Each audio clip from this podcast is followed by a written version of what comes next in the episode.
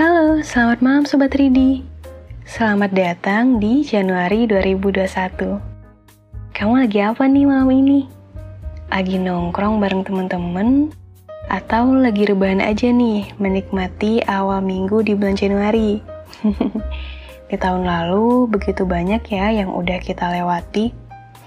Semoga bisa menjadi kenangan yang bisa kita bawa untuk diceritakan di masa depan. Seperti puisi yang satu ini. Yuk nikmati puisinya.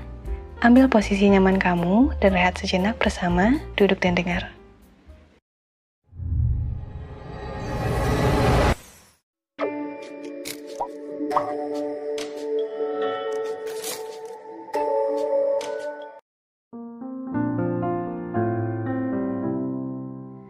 Sedang sibuk mengenangmu.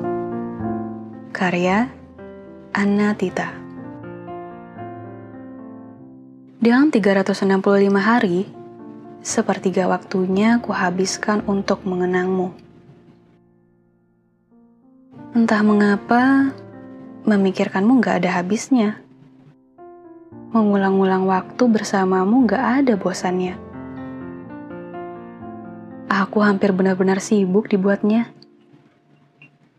Sibuk mengingat semua tentangmu.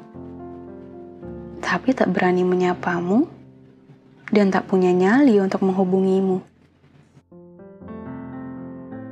Kisah kita memang hanya biasa-biasa aja, tapi entah mengapa begitu melekat di kepala.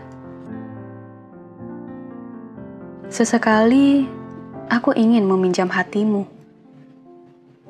Aku penasaran, pernahkah kamu sesibuk aku? Aku juga penasaran bagaimana sebenarnya perasaanmu padaku. Udah lewat 365 hari. Dan aku masih saja sibuk memikirkanmu. Padahal aku adalah orang yang gampang sekali lupa. Tapi semakin aku melupakanmu, semakin kuat ingatanku. Menyebalkan, bukan? Kadang ada hal penting yang gak harus dicatat biar selalu ingat.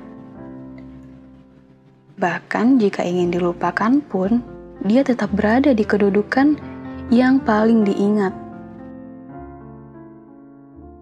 Dan selamat, kamu telah berada di kedudukan itu.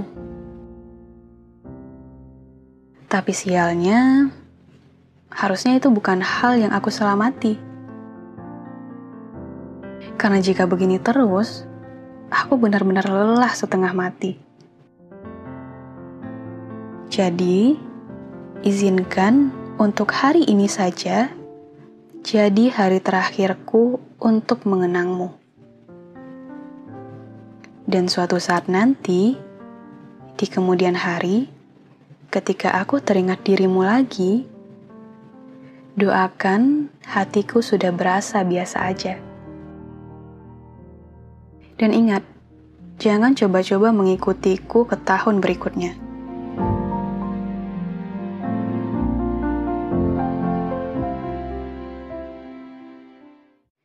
Ya, itu tadi sebuah puisi dengan judul Sedang Sibuk Mengenangmu. Mengenang momen-momen di masa lalu kadang bisa menyenangkan, kadang juga bisa menyebalkan. Jika satu di antara kenangan itu bisa merusak suasana hatimu, maka belajarlah untuk merelakannya.